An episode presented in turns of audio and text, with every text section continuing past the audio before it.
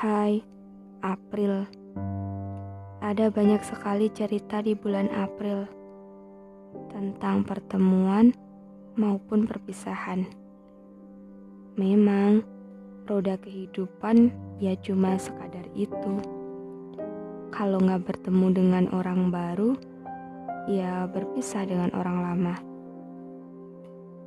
Mungkin sebagian orang mengingat April sebagai bulan kelahiran atau bulan pertemuan atau bulan pernikahan atau bisa juga bulan yang menyimpan banyak sekali kenangan indah untuk dirawat dan dijaga. Tapi tidak bagiku. April adalah bulan yang kelam bulan yang penuh dengan pertumpahan air mata. Bulan yang mematahkan impian. Semakin aku berusaha melupakan, rasanya bayang-bayang itu semakin cepat mengejar. Sejujurnya, aku ingin sekali melewatkan bagian ini, tetapi selalu gagal oleh waktu dan juga kuasa Tuhan.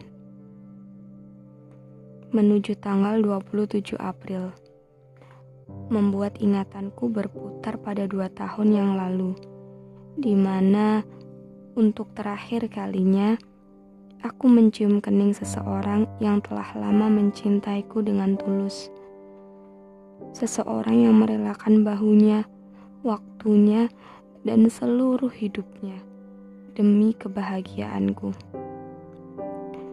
Seseorang yang menjadi alasanku untuk bertahan, walaupun banyak hal mungkin membuatku ingin menyerah. Tetapi senyumnya selalu menguatkanku, mengisyaratkan bahwa tidak akan pernah terjadi apa pun ketika kita masih bisa bersama. Dia adalah cinta pertamaku.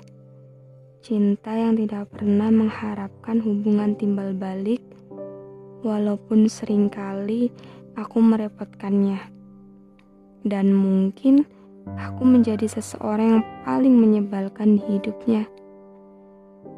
Tetapi sekalipun dia tidak pernah marah.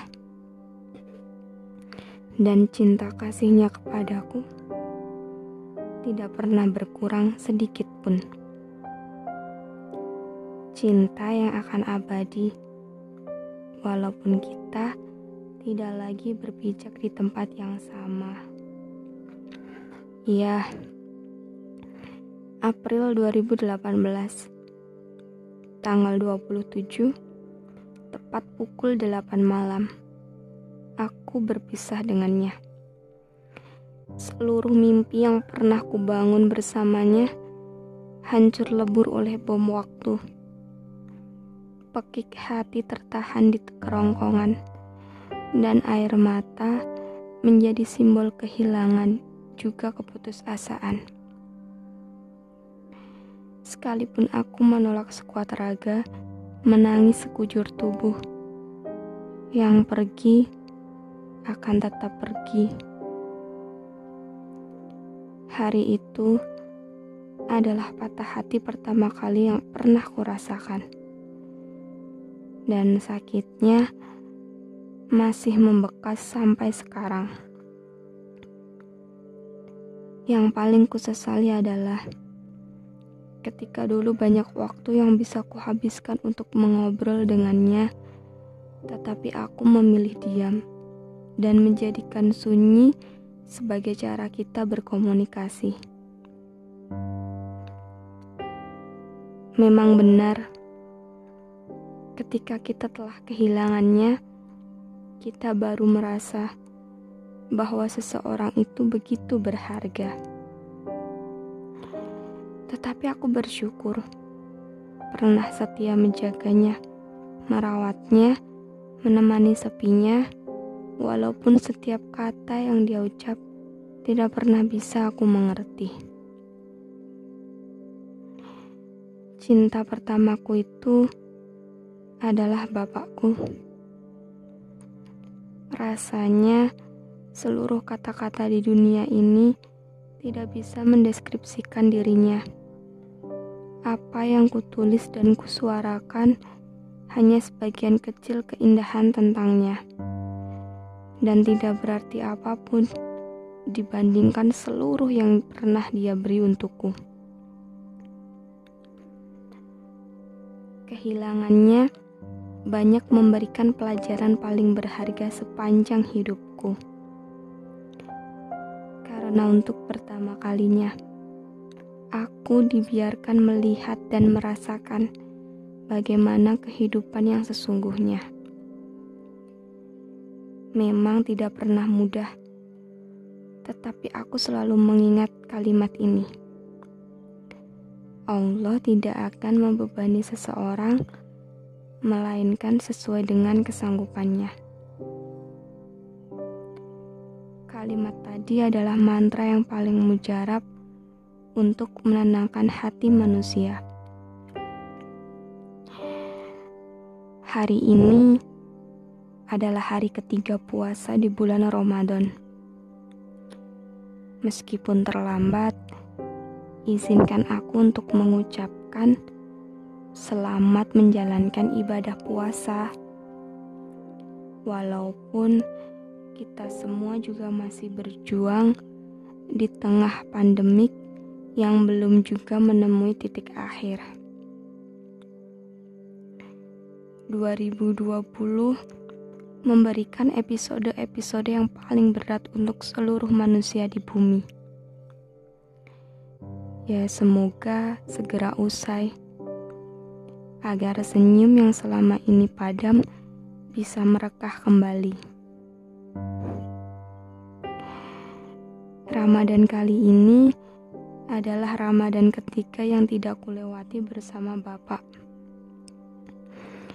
Memang ada yang berbeda. Tidak kutemukan beliau terduduk di kursi kesayangannya menonton acara televisi dan ikut sahur bersama kami. Tiap kali aku memandang sudut di rumah di mana Bapak sering kali ada di sana, aku selalu teringat. Dan rasanya Bapak masih ada dan dia tersenyum kepadaku. Air mataku lagi-lagi meluruh. Iya, kadang rindu memang datang tanpa aba-aba. Dan biasanya aku cuma bisa mengirim doa tiap kali rindu itu menyerangku.